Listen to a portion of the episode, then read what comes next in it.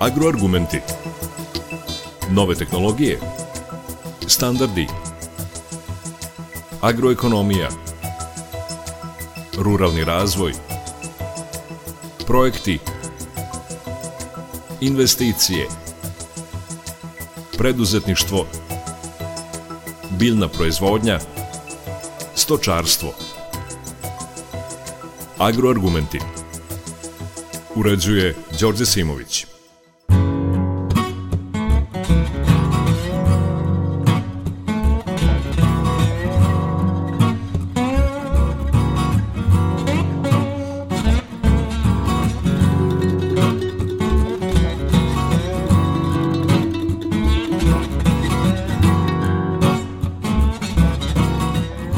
Poštovani slušalci, dobar dan. Svedoci smo da smo nedavno imali nestašicu mleka na rafovima naših trgovinskih lanaca. Nakon toga snabdevenost se popravila, ali dobrim delom i mlekom iz uvoza – kako smo do toga došli, ali i da li nas zbog smanjenja stočnog fonda očekuje nestašica junećeg mesa, kao i kako je moguće da imamo zakon o vinu, a nemamo zakon o mleku, da imamo upravu za veterinu, a nemamo za stočarstvo i na kraju šta bi nam donelo uvođenje institucije ombudsmana za hranu, za Radio Novi Sad je govorio predsednik udruženja Agroprofit Čedomir Keco.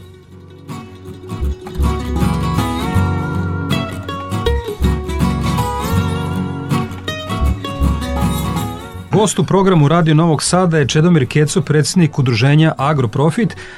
Kada je o stočarstvu reč, e, najurgentnija priča je o mlešnom govedarstvu, preciznije nestašici mleka. Rešavanje tog problema će potrajati, ali šta bi trebalo, po vašem mišljenju, na kratki i na druge staze uraditi? Mislim da mi e, koji pokušavamo da se bavimo problemima u govedarstvu e, i ne znamo pravo stanje. Ja sam ovih dana se bavio analizama e, koje govore i mnogo i ništa. A reći ću vam, od 4000 sela u Srbiji, samo 625 ima više od 100 krava. Od 4000 sela, 625 ima samo više od 100 krava. Međutim, mi e, krećemo priču od krava, ne. Na selu nema ljudi. Mi smo pre par godina, i drago sam bio učesnik toga, promenili jednu uredbu da svaki vlasnik krave koja ne mora da bude umatičena dobija 20.000. Nama se sada i taj broj grla smanjio. Prvo davanje po 20.000 je koristilo negde bilo eh, je za oko 9.000 grla. Pa je onda bilo za 56.000 grla. Dakle, sada smo izgubili u jednoj velikoj turbulenciji zbog apsolutno ponižavajuće cene mleka i skoka hraniva, izgubili smo mnogo tih malih proizvođača, jer e, onaj podatak od 100 grla sam izneo, to nije sto krava na farmi, nego sto krava na selu, dakle, to je sasvim jedna druga priča. E, ljudi su odustali. Onda smo imali kao negativnu podršku jednom takvom događanju imali smo neadekvatnu cenu u otkupu junadi. I kad saberete e, ovo što se dogodilo u mlečnom govedarstvu, od koga potiče i tovno govedarstvo, sa cenom i turbulencijama u tovnom govedarstvu i nedostatkom izvoza, mi smo zaokružili negativnu sliku. I ja sada kažem, ako budemo imali 350.000 telenja u 2022. godini to je dobra osnova da krenemo u obnovu. E sad dolazimo do ovog vašeg osnovnog pitanja. Šta? Prvo je inventar da se napravi, drugo da se u malim porodicama poljoprivrednima verifikuje držanje krava kao normalno, a ne da nam šalju poruke iz pojedinih udruženja samo veliki, samo veliki, 100, e, 200 i tako dalje. To nije priča za Srbiju. To je priča za industriju u Italiji, Nemačkoj, Holandiji.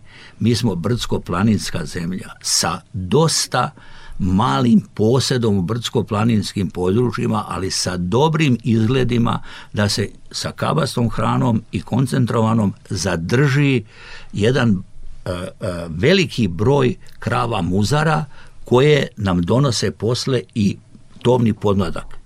Ako to ne povežemo i ne izvršimo analizu po svakome regionu, šta je kapacitet mogućeg držanja, šta je volja, šta je znanje, šta je prostor, mi nećemo ništa napraviti.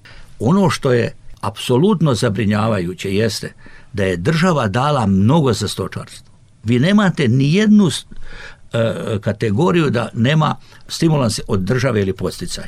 A to nam se desilo. Što znači da je daleko jači industrijski lobby i oni čiji je interes da zarađuje ekstra profit, a to je tužno da jedni imaju sve, a da drugi nemaju ništa i da od posla odustaju.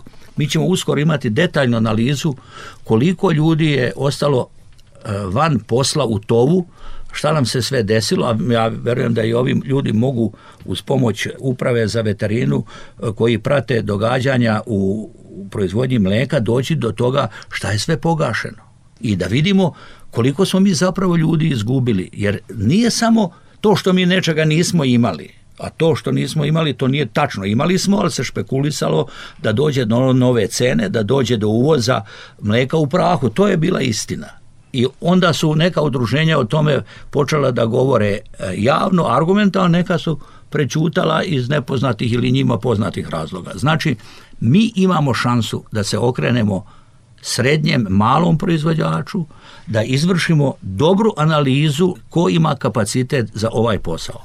Zašto je ovo važno? Zemlja koja se bavi poljoprivredom, a nema stočarstvo u svim kategorijama, živinarstvo, proizvodnja mleka, tovno govedarstvo, pa čak i ribarstvo, ako nema taj zbir 40 i više od 100 u ukupnoj poljoprivrednoj proizvodnji ona se smatra agrarno nerazvijenom.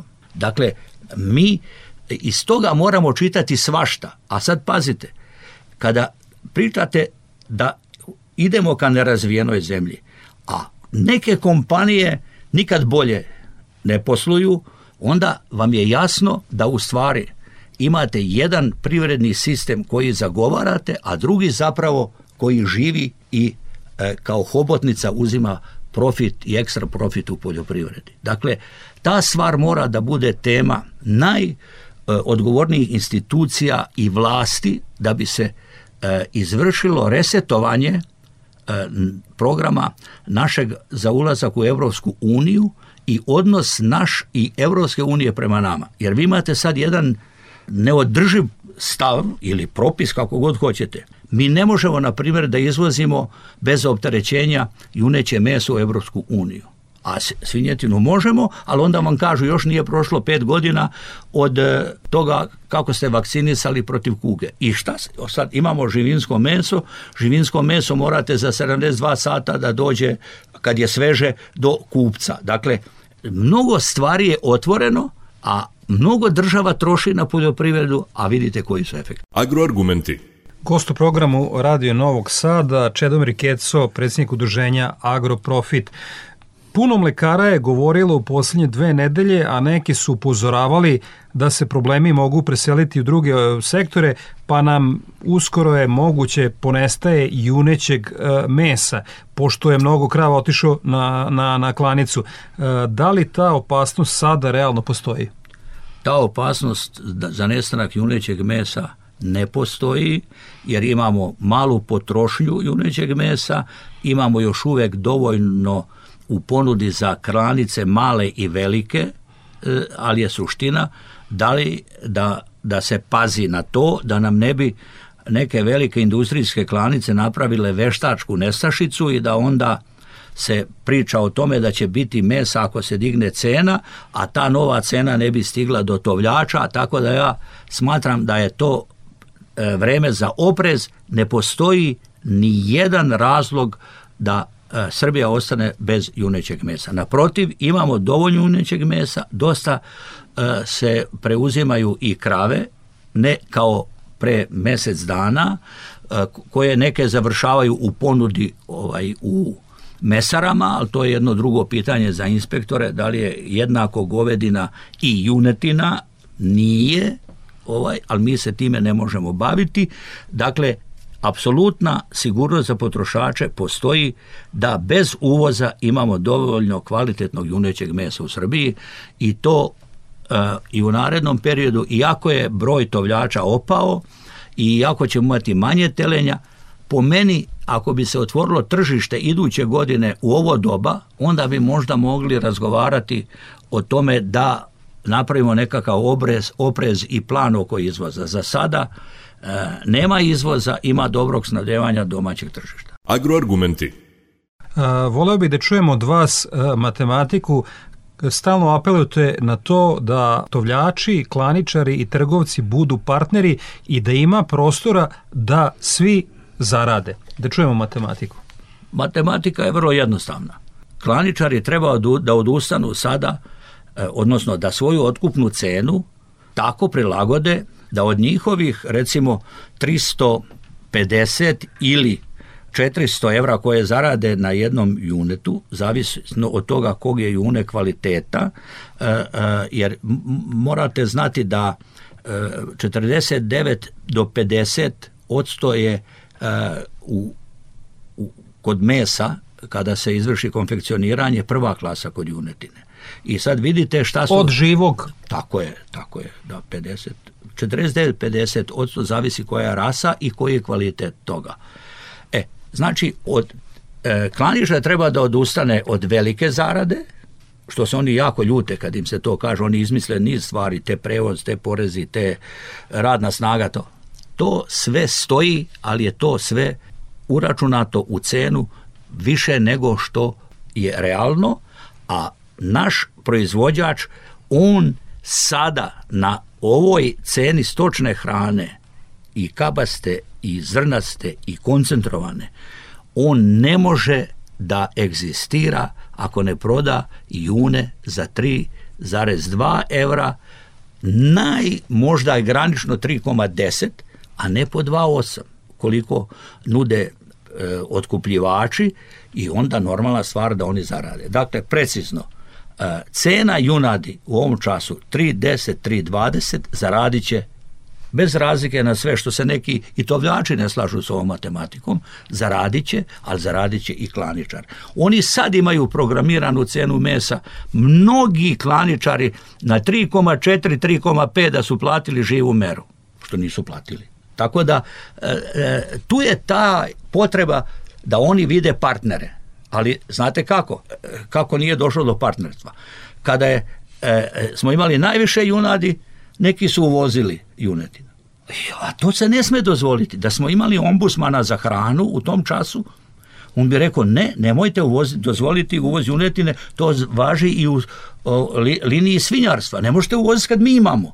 To nije stvar da mi ratujemo sa zapadom. Ne, nego mi čuvamo svoju ekonomiju na ovaj način i stočarstvo. E, tu nije imao hrabrosti niko da povuče taj potez. I kad vi imate e, situaciju da znate pa, e, e, šta je u ponudi kod ljudi koji se bave tovom svi kategorije u Srbiji, pa nije logično da ide se na uvoz.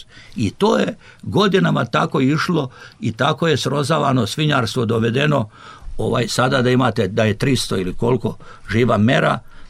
To je nešto što eh, ipak govori da mi nismo u funkciju očuvanja svog tržišta stavili sve institucije. Od vlasti do raznih zavoda koji se bave merenjem kvaliteta i tako redom i tako redom.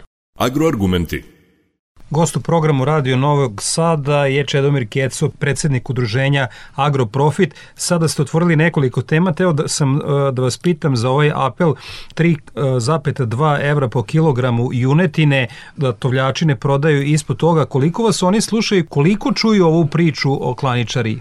Mi smo dokazali u ovoj godini u 3-4 navrata kada su shvatili tovljači da po sedam dana ili deset nisu dali da smo e, svoju junad da smo pomerili cenu. Ali vi imate problem sljedeći da nama pojedini tovljači koji se naročito bave iz socijalnih potreba tovom, to vam je e, šest do deset e, junadi, njemu kad dođe obaveza da plati kredit, učešće za traktor ili da uđe u neku investiciju ili obavezu koju je stekao, onda nastaje panika i on se proziva država, svi su krivi i tako dalje i oni onda prodaju šta im se nudi u datom trenutku. E, zbog toga ja insistiram na tom partnerstvu da on zna da će imati e, sigurnog kupca, da će imati kvalitetnu robu i da će to biti neka realna cena u datom trenutku koja je kod nas e, vezana za proizvodnu cenu.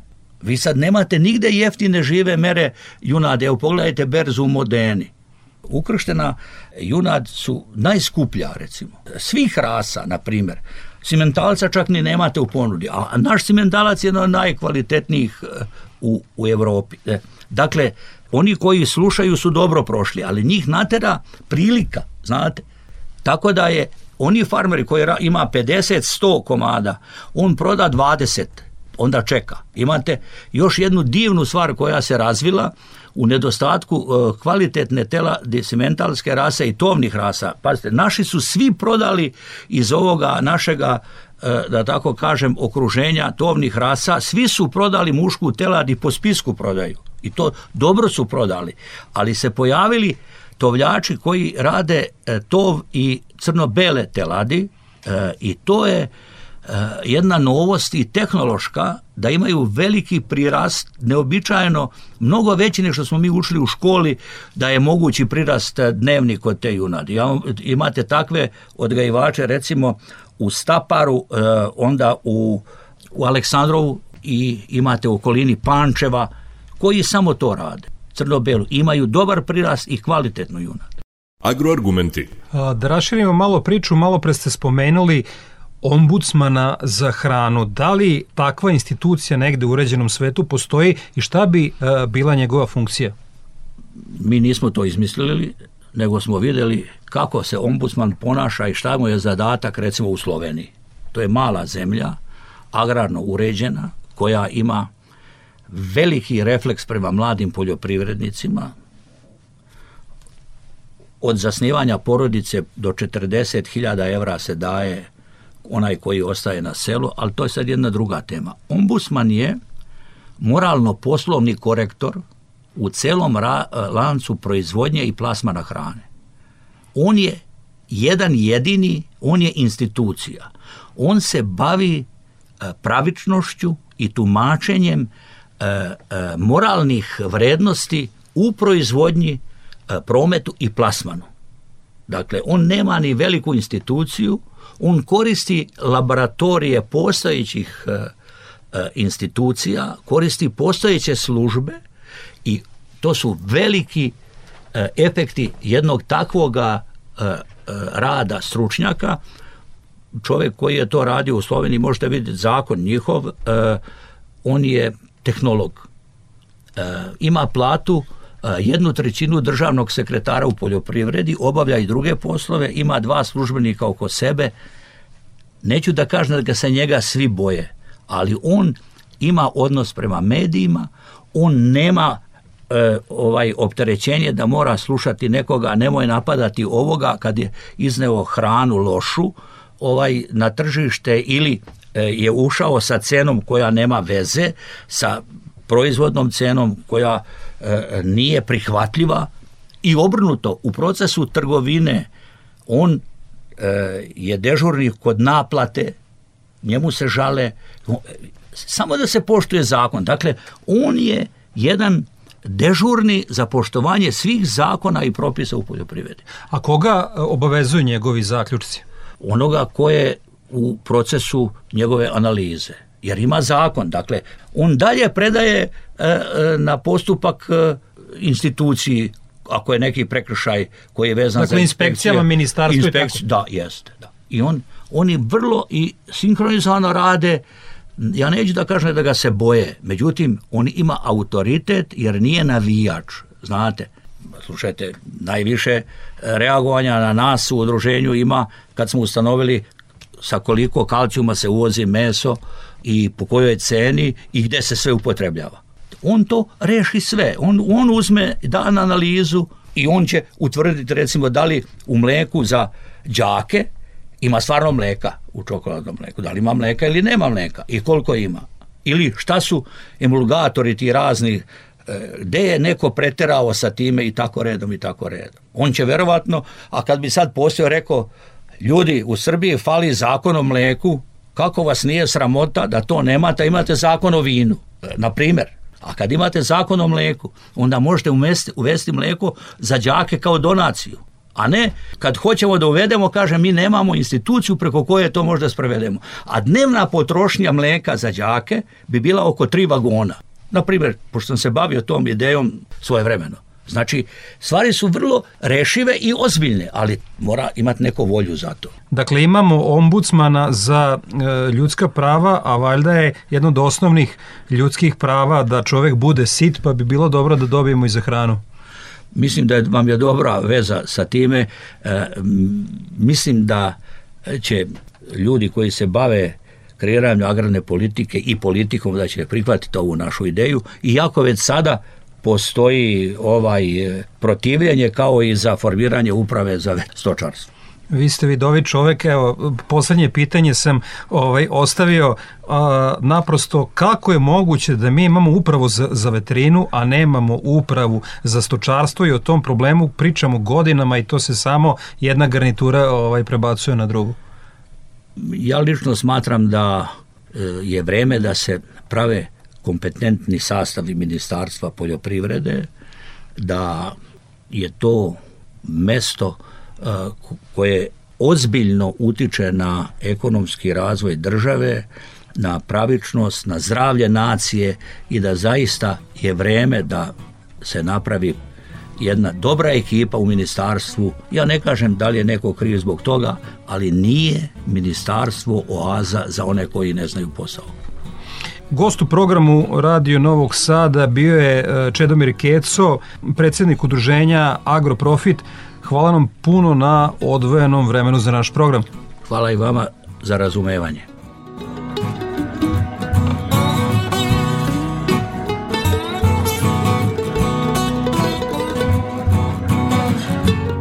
Toliko u emisiji Agroargumenti u kojoj smo govorili o mlečnom i tovnom govedarstvu, neophodnim zakonima i upravama Ministarstva poljoprivrede koji bi trebalo da zažive, kao i o tome šta bi nam donela institucija ombudsmana za hranu. Za kraj emisije slušamo smak i koncertno izvođenje pesme Crossroads.